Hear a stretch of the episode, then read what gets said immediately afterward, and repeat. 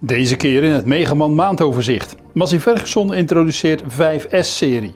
Hans Kamp wint Eurotier medaille en autonoom rijdende trekker nu te koop.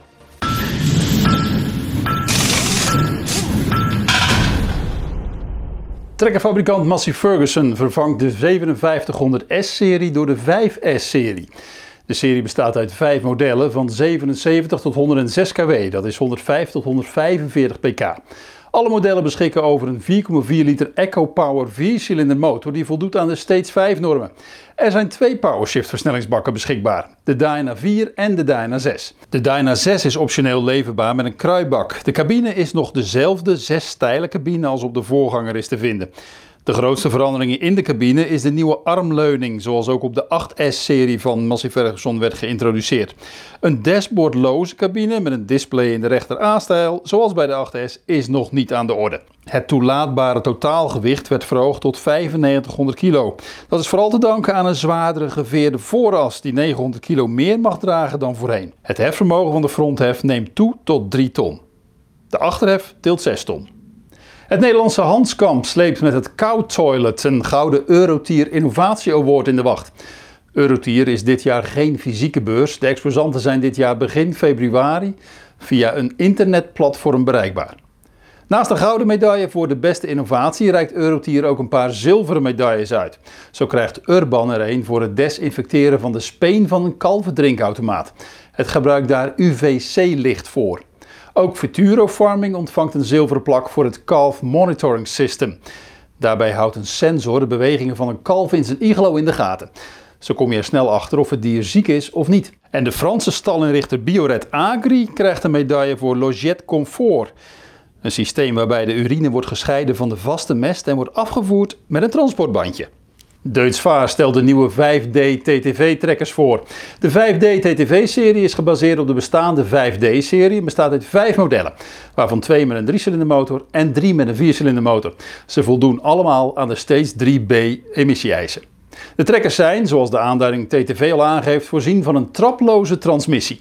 Deze CVT-transmissie komt uit de eigen fabriek en zorgt ervoor dat de trekker maximaal 40 km per uur kan rijden. Standaard wordt de trekker geleverd met een afterkas met drie toeren. Een rij afhankelijke afterkas is een optie.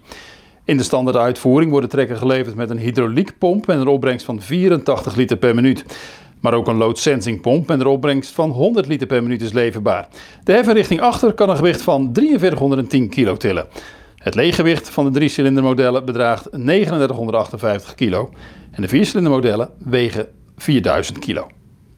Zometeen beelden van een trekker zonder chauffeur.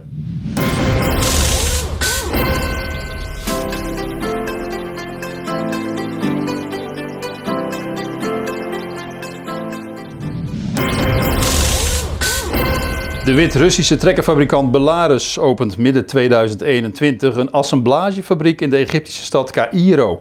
De Wit-Russen hopen komend jaar zo'n duizend trekkers te assembleren in Egypte.